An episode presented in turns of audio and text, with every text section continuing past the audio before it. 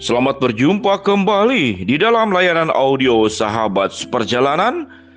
Hari ini adalah hari Selasa 10 Mei 2022.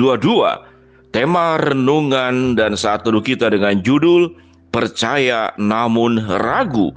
Percaya namun ragu. Firman Tuhan terambil dalam Yohanes 10 ayat yang ke-24 sampai dengan ke-26. Maka orang-orang Yahudi mengelilingi dia dan berkata kepadanya, Berapa lama lagi engkau membiarkan kami hidup dalam kebimbangan? Jikalau engkau Mesias, katakanlah terus terang kepada kami. Yesus menjawab mereka, Aku telah mengatakannya kepada kamu, tetapi kamu tidak percaya pekerjaan-pekerjaan yang kuberi, kulakukan dalam nama Bapakku. Itulah yang memberikan kesaksian tentang aku. Tetapi kamu tidak percaya karena kamu tidak termasuk domba-dombaku. Mari kita berdoa. Bapa yang di dalam surga, biarlah kami terus belajar menjadi orang-orang percaya yang benar-benar percaya dan bukan orang percaya yang dalam keraguan. Di dalam nama Tuhan Yesus kami berdoa. Amin. Shalom sahabat perjalanan yang dikasih Tuhan. Orang-orang percaya yang benar-benar percaya atau orang percaya yang dalam keraguan. Sahabat perjalanan, Kalimat ini diperhatikan baik-baik. Orang percaya yang benar-benar percaya atau orang percaya yang dalam keraguan.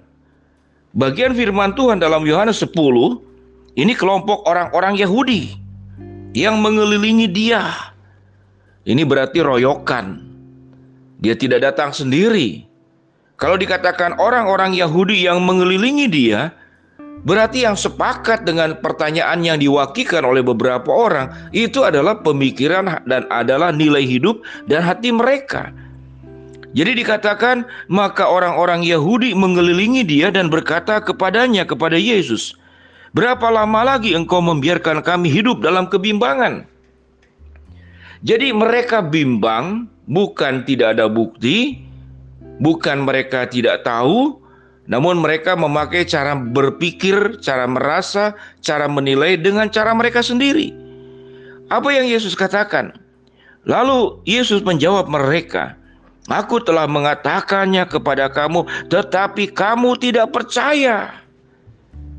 Dan tidak hanya Yesus berkata, tetapi Yesus mengatakan, kamu tidak percaya pekerjaan-pekerjaan yang kulakukan dalam nama Bapakku, itulah yang memberitakan, memberikan kesaksian tentang aku.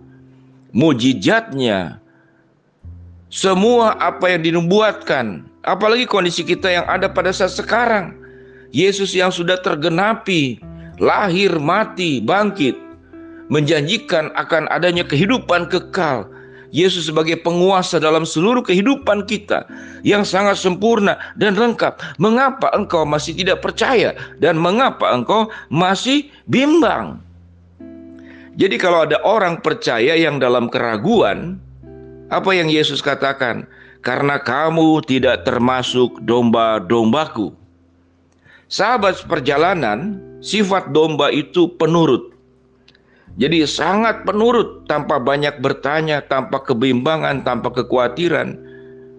Jadi domba ini kita melihat domba ini binatang kalau satu bagian saja masuk jurang dia masuk jurang itu domba. Sementara dalam kesesatan manusia yang sangat mudah terbawa arus yaitu domba maka dikatakan, "Aku datang untuk mencari yang hilang, menolong kamu, agar hidup kamu tidak terjerumus ke dalam jurang." Seperti yang terjadi bagaimana orang gila di Gerasa, setan masuk ke dalam domba-domba itu dan semuanya masuk ke jurang dan meninggal semuanya.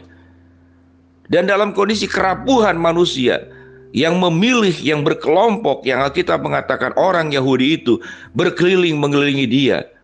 Ini adalah domba-domba sesat yang paham tentang kebenaran yang tahu orang Yahudi sahabat seperjalanan yang dari turun temurun sudah diajarkan tentang akan datangnya seorang Mesias, seorang juru selamat yang nenek moyangnya sudah memberitakan, menyampaikan, diceritakan dari turun dari satu keturunan keturunan yang lain. Namun mereka tetap bimbang, mereka tetap tidak percaya. Sehingga setelah Yesus datang pun melakukan banyak mujizat, meyakinkan mereka. Mereka tetap tidak percaya. Dan apa yang Yesus katakan? Karena kamu tidak termasuk domba-dombaku. Jadi domba siapa? Yaitu domba yang sesat. Sahabat seperjalanan, di mana posisi kita saat ini? Apakah kita adalah domba yang benar-benar yang orang percaya, yang benar-benar percaya atau orang percaya yang dalam keraguan? Mengapa kita sering kali menjadi orang percaya yang dalam keraguan? Karena kita suka memaksakan cara berpikir kita, cara menilai kita. Yang baik itu A, yang benar itu B, yang salah itu C, yang keliru itu D. Maka yang dia lakukan dalam kehidupan kita adalah cara berpikir kita. Dan bukan dengan cara-cara Tuhan. Seseorang yang bimbang, seseorang yang tidak percaya, maka apa pun yang baik dan benar dia tetap bimbang dan dia tetap tidak percaya. Sahabat perjalanan yang dikasih Tuhan, saya punya kebiasaan kalau beli barang itu di tempat-tempat yang bisa dipercaya. Maka caranya bagaimana yang sudah berbadan hukum. Jadi sudah ada izin dari pemerintah, izin membuka usahanya pun jelas, dia lulusan mana jelas, dan ini adalah bukti. Kalau kita beli di sembarang tempat yang tidak jelas orangnya, tidak jelas tempat usahanya, tidak berbadan hukum, saya tidak akan beli barang tersebut. Karena setelah beli, kualitasnya dipertanyakan dan kalau ada apa-apa, saya tidak bisa meminta pertanggungjawaban. Karena dia bisa hilang kapan saja, berjualan di satu tempat ke tempat lain. Nah, itu adalah toko yang berjualan.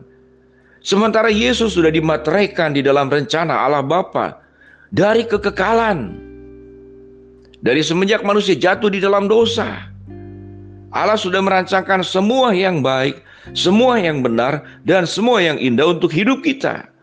Baik untuk keselamatan, roh jiwa kita, dosa yang dihapuskan, baik dalam jaminan Tuhan, menjaga menolong kita, pada saat kita mengalami kesulitan, pencobaan, persoalan sakit, penyakit, persoalan ekonomi, persoalan ancaman, tantangan, kesulitan, Tuhan yang kita sembah lebih besar daripada masalah hidup kita. Masalah paling tersulit dalam hidup manusia adalah kalau orang mati bagaimana bangkit. Itu yang paling sulit. Dan Yesus melakukannya karena Yesus adalah Tuhan. Yesus telah mati, kemudian bangkit pada hari ketiga, dan Dia membangkitkan Lazarus. Dia akan menjanjikan membangkitkan semua kita yang akan meninggal. Di mana lagi satu pribadi yang sedemikian luar biasa, yang sedemikian lengkap, yang sedemikian sempurna? Kalau yang lengkap, yang sempurna, yang baik, yang terhebat, yang maha kuasa, itu kita ragukan, kita bimbang kepada Yesus. Lalu kita mau percaya kepada siapa? Maka manusia berdosa yang tidak mau ikut Tuhan, dia hanya akan percaya kepada pikirannya sendiri, hanya percaya kepada perasaannya sendiri, dan hanya percaya kepada nilai-nilai hidupnya sendiri. Jangan jadi domba sesat, jangan jadi orang percaya yang hidup dalam keraguan. Mari kita berdoa. Bapa dalam surga, terima kasih buat kebenaran firman Tuhan. Biarlah kami tidak menjadi seperti orang Yahudi yang mengelilingi Yesus dan bertanya, "Berapa lama lagi engkau membiarkan kami dalam kebimbangan?" Tapi kami menjadi orang-orang percaya yang benar-benar percaya dan bukan orang percaya yang dalam keraguan. Hambamu berdoa buat sahabat seperjalanan yang sedang sakit, Tuhan jamah sembuhkan. Sahabat seperjalanan yang sedang menghadapi masalah, Tuhan bukakan jalan. Sahabat seperjalanan yang sedang berdoa, memohon sesuatu, Tuhan akan kabulkan sesuai dengan waktu, rencana, dan kehendakmu. Di dalam nama Tuhan Yesus kami berdoa. Amin.